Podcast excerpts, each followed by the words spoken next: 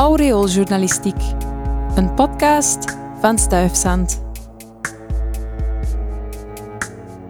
Midden in jouw dorp staat een kerk met een naam. Maar ken je ook de mens achter die naam? Vandaag vertelt Nathalie Hermans je het verhaal van de heilige Andreas, die in de katholieke kerk gevierd wordt op 30 november. De mensenvisser. Wat hebben Schotland en Balen met elkaar gemeen? Ze hebben allebei iets met de heilige Andreas. Andreas was een visser, die op een dag van zijn netten werd weggeroepen door Jezus. Die vond namelijk dat ruige vissers de perfecte eigenschappen bezaten om vissers van mensen te worden, namelijk geduld, moed en doorzettingsvermogen.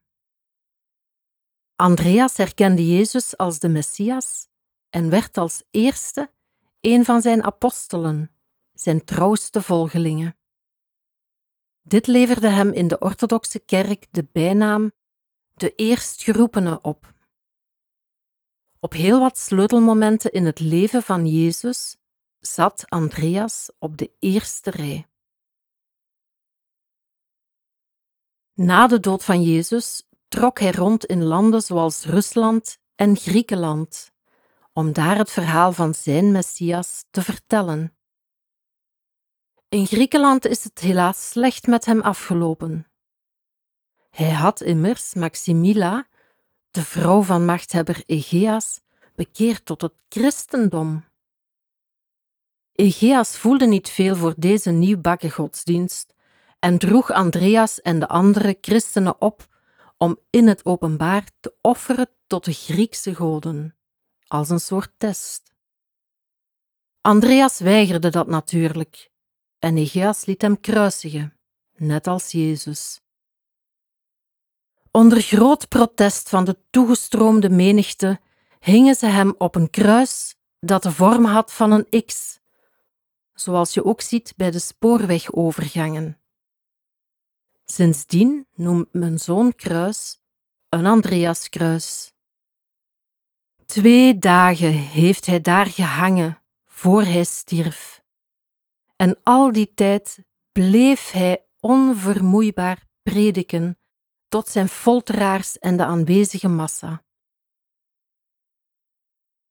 Maximila, de kersverse christen die door Andreas bekeerd werd, zorgde er uiteindelijk voor dat hij eervol begraven werd. Zijn lichaam, in de vorm van relieken, heeft in de eeuwen na zijn dood nog veel gereisd. Een deel ervan kwam terecht in Schotland, waar hij de nationale patroonheilige werd.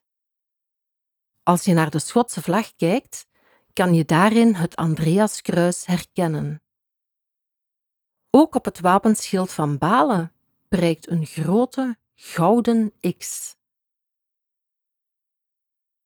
In het centrum van Balen staat de Sint-Andrieskerk, waar het werk van deze moedige mensenvisser al sinds de 15e eeuw wordt verder gezet en waar ook een reliek van hem wordt bewaard.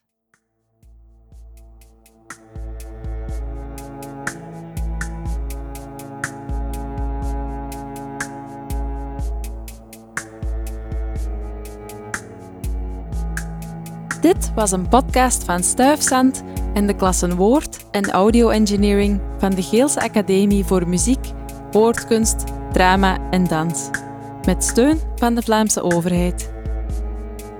Heb je nog vragen, suggesties of opmerkingen? Laat het ons weten op info.stuifzand.be. Dankjewel voor het luisteren.